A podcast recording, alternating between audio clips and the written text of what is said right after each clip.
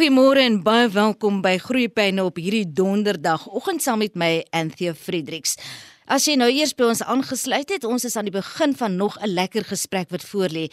Jy kan na ons luister via ons DStv kanaal, dis die audio kanaal 813, OpenView se kanaal 615 op jou slimfoon indien jy die SABC se toepassing sou aflaai. Of die ou manier natuurlik, die goeie ou doodgewone en betroubare draadloos. Ons gesels vanoggend oor 'n baie interessante onderwerp waarvan ek maar min weet en ons gas baie weet. Dis kinder Kinetika en my gas vanoggend is dan Karina Leroux. Sy's 'n kinderkinetikus van Pretoria. Goeiemôre en baie welkom by Groepyna Karina. Goeiemôre Anthea en baie baie dankie. Dit is vir my koslik dat jy nou die woord draadloos gebruik het, want dit laat my dink aan kindertjies en hoe hulle bedrading werk en hulle breine met drade vas is aan hulle lywe en dit is presies waaroor ons gaan praat vanoggend.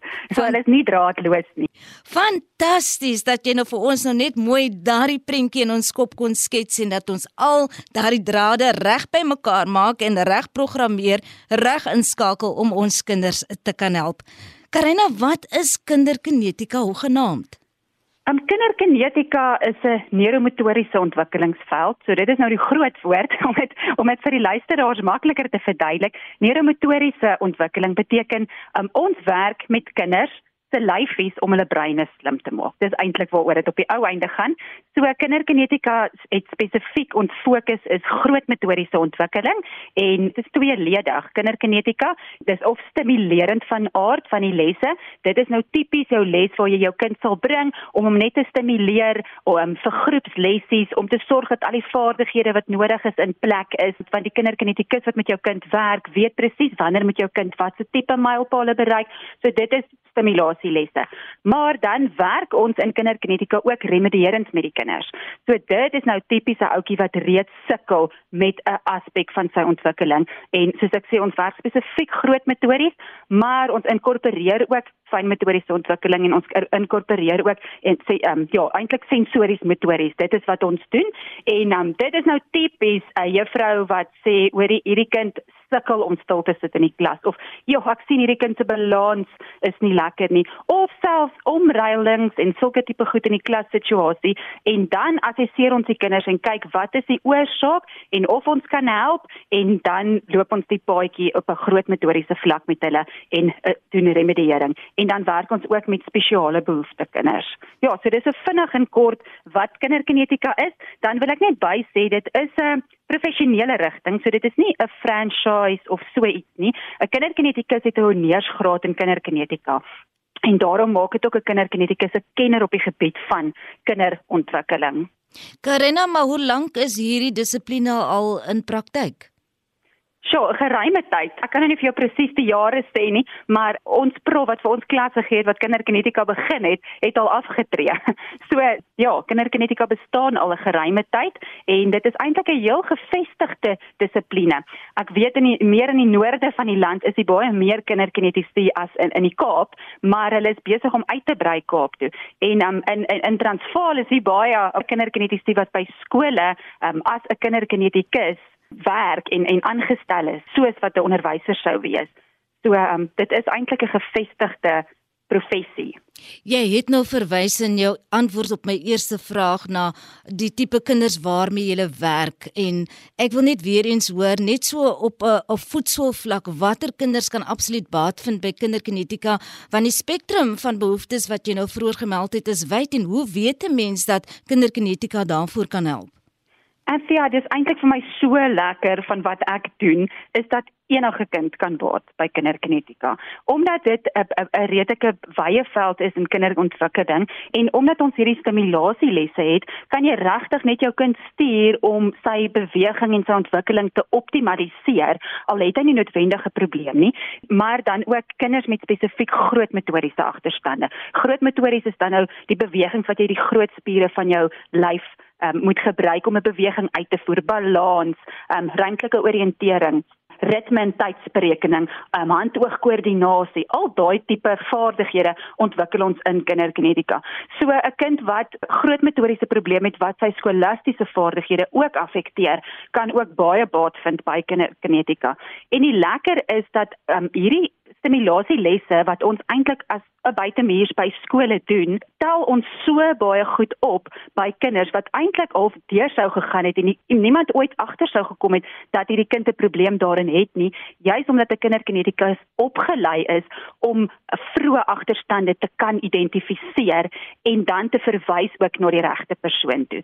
So dit is die ander voordeel is ons kan nie noodwendig alles regmaak en alles aanspreek nie, maar ons weet presies na wie toe om te verwys en ons is baie keer die eerste linie van verdediging, die eerste mense wat raak sien as daar iets is by 'n kind en dan weet ons na wie toe moet hierdie kind verwys word. Het sy 'n arbeidsterapeut of 'n spraakterapeut of 'n neuroloog of 'n so so dit is wat vir my so lekker is van kinderkinetika in my beroep. Dit kan regtig vir enige kind iets beteken en ook eintlik vir die volwassenes omdat dit oefen gebaseerd is. So dis 'n multidissiplinêre benadering amper wat dan gevolg kan word.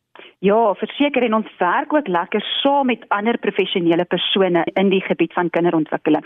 Um, ons verwys nou nou ek het nou genoem nou 'n klomp professionele persone. Ons ons beste maatjies is die ander terapeute in ons omgewing gewoonlik want mens werk so nou met hulle saam dat dat op die ou einde help mens hierdie kind in totaliteit. Want dit is selde dat 'n kind net op een gebied 'n probleem het Um, 'n kind is so 'n komplekse wese en, en soos ek nou nou gesê het van die bedrading, dit is belangrik dat mens mens regtig die kind se probleme uitsorteer um, en daarvoor het jy 'n multidissiplinêre span nodig.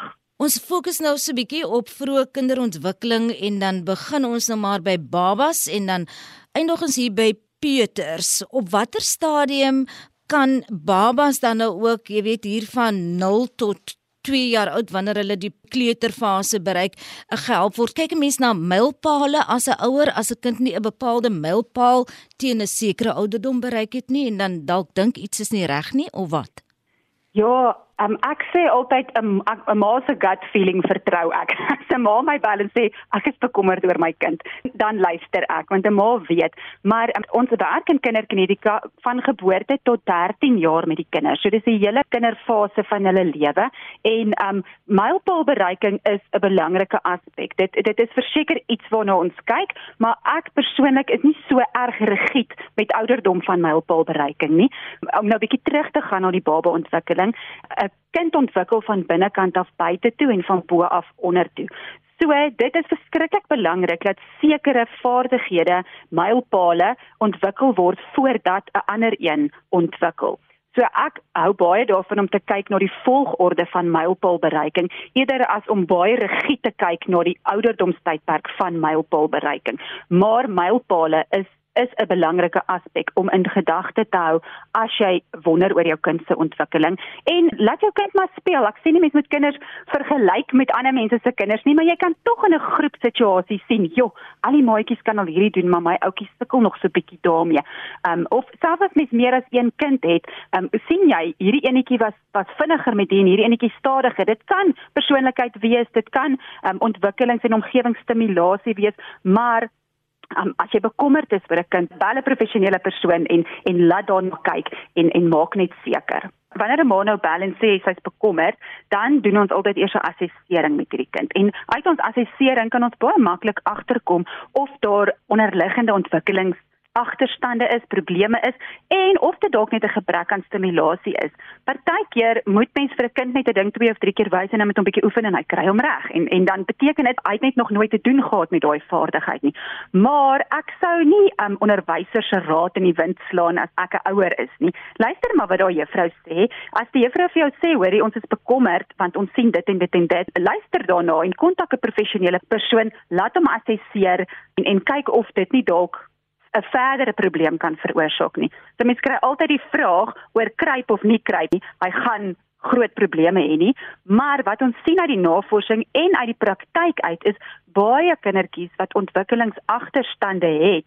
Um as hulle bietjie ouer is, wanneer hulle na ons toe kom en ons neem daai mediese geskiedenis vraelys en ons kyk na hulle ontwikkeling as babatjie en as jong kleuter en Peter, dan sien mense maar hier is sekere van hierdie mylpale wat hulle nie bereik het nie. En dan um, is dit die ouetjies wat by ons is omdat hulle skolasties sukkel. So ek sou verseker um, as daar rooi ligte is, uh, iets daaraan doen en en probeer om om om agter die kap van die byl en agter die probleem te kom. Want die probleem is een vaardigheid wat jy wat jy nie bemeester nie, kan lei tot 'n volgende vaardigheid wat jy nie bemeester nie. So indien 'n kind dalk sukkel met koördinasie en hy sukkel om balle te vang, veroorsaak dit dalk dat hy nie wil deelneem aan sport nie. En nou ontwikkel sy sosiale vaardighede ook nie en sy fiksheid ook nie en sy um al daai goed wat wat met sport gepaard gaan net omdat die kind se koördinasievaardighede eintlik swak is. Nou as ons net kan teruggaan na wat jy vroeër van gepraat het oor vanaf geboorte wat 'n kindergenetikus wel met 'n baba kan werk. Nou nie mense aan maar 'n baba lê net. Uh, jy weet 'n baba beweeg mos nie baie rond soos wat 'n Peter en 'n kleuter rondhardloop nie. Hoe kry mens daai kloutjie by die oor Karina? Maar dit is altyd net so lekker as ek vir die mammas en pappas wys hoe kan jy met jou pasgebore babatjie speel. En dan gaan daar vir hulle wêreld oop dit is waar babatjies lê net, maar hulle moet 'n geleentheid gebied word om te kan beweeg. En ek dink ons samelewing vandag het soveel goed wat mammas help, um allerhande stoeltjies en bedjies en en en dat ons eintlik ons kinders baie ontneem van die geleentheid om te beweeg. So um, om 'n kind 'n babatjie byvoorbeeld net plat neer te sit op 'n mat op 'n kombersie in plaas van in 'n stoeltjie vas te druk, bied vir hom die geleentheid vir speel en vir beweeg.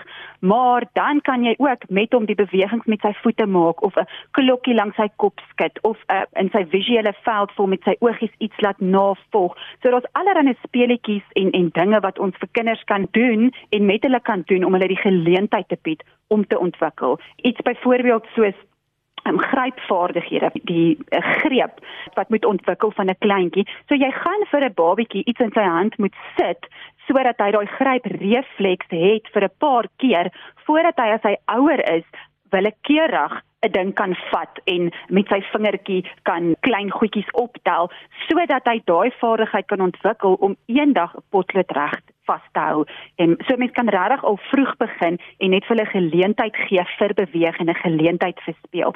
En dan moet jy hulle ook nie oorstimuleer of te veel speelgoed nie. Op die ou einde gaan dit nie oor die speelgoed nie, maar oor die beweeg en ook oor die sosiale interaksie en die emosionele binding tussen die mamma en die kind wanneer jy met jou kind speel. Nou net weer terug na ons gesprek vroeër, eh, Karina, jy het verwys na die assessering word gedoen. As jy nou wel uitvind of vasstel daar is 'n probleem, wat volg daarna? Word daar 'n plan saamgestel? Ja, ons ons praat dan met die ouers want jy kan nie sonder ouers se samewerking iewers kom nie.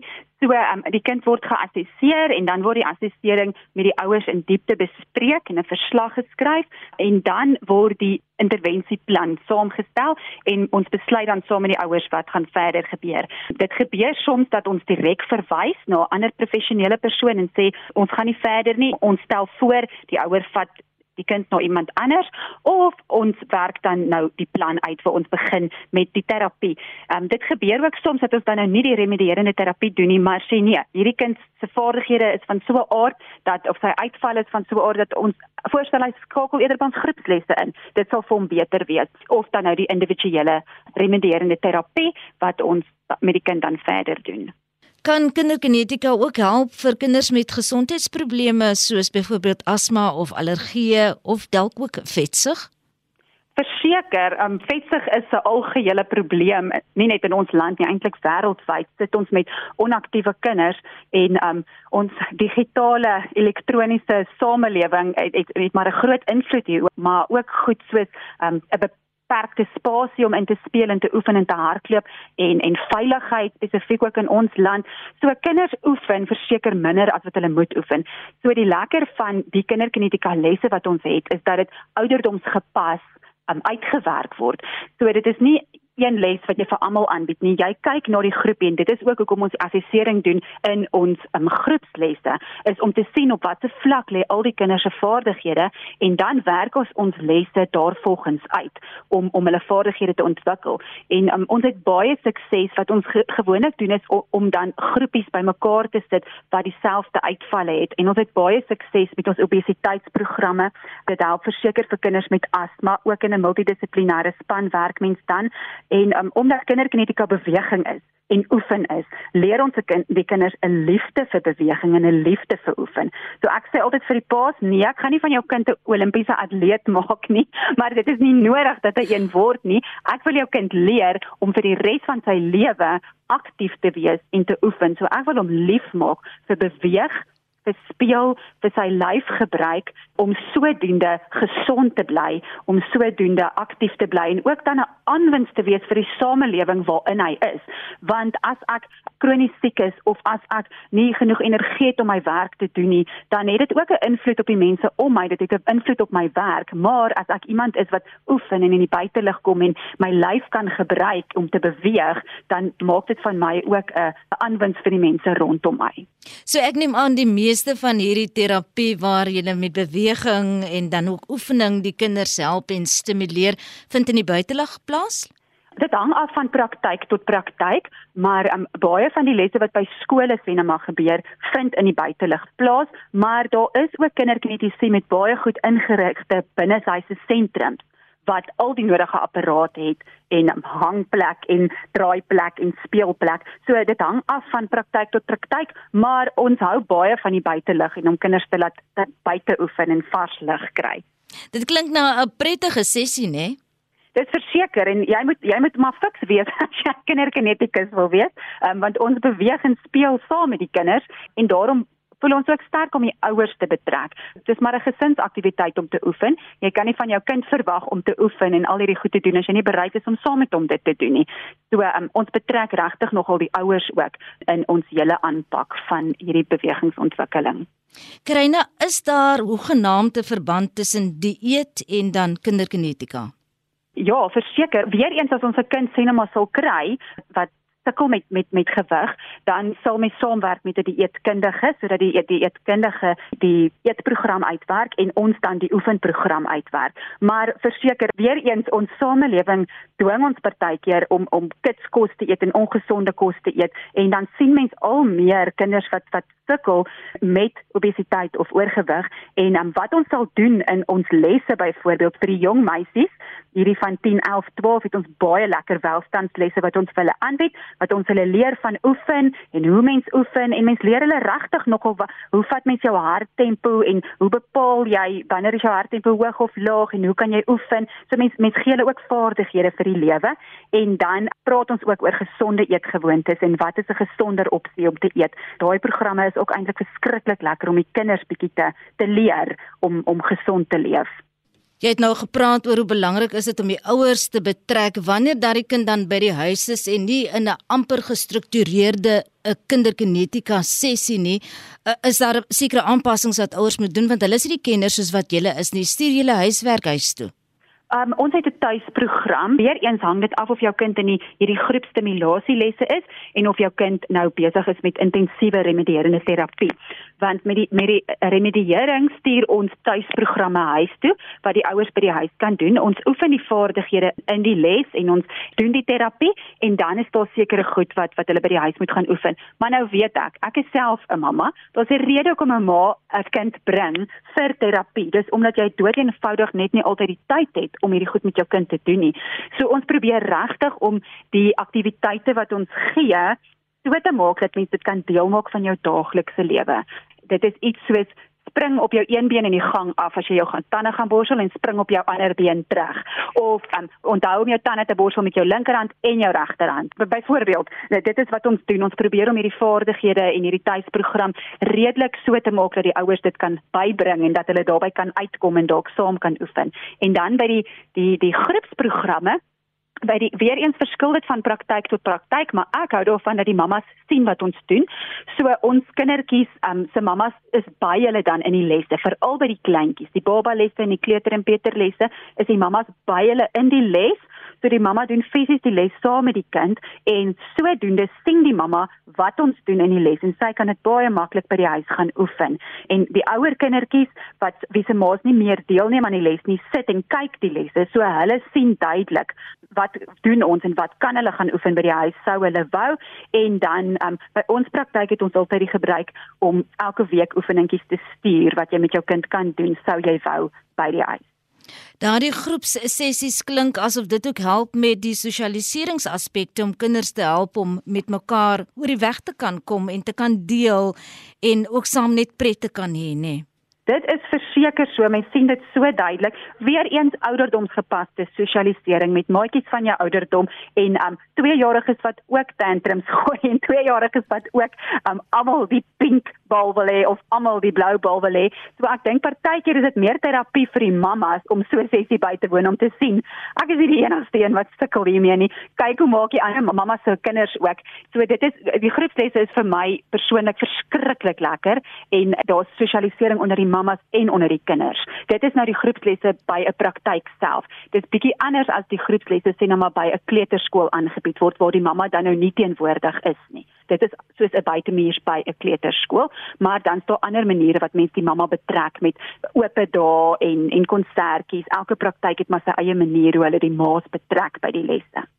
Jy klink verskriklik passievol oor kinderkinetika en wat dit alles kan doen vir ons kinders en kan beteken vir ons kinders.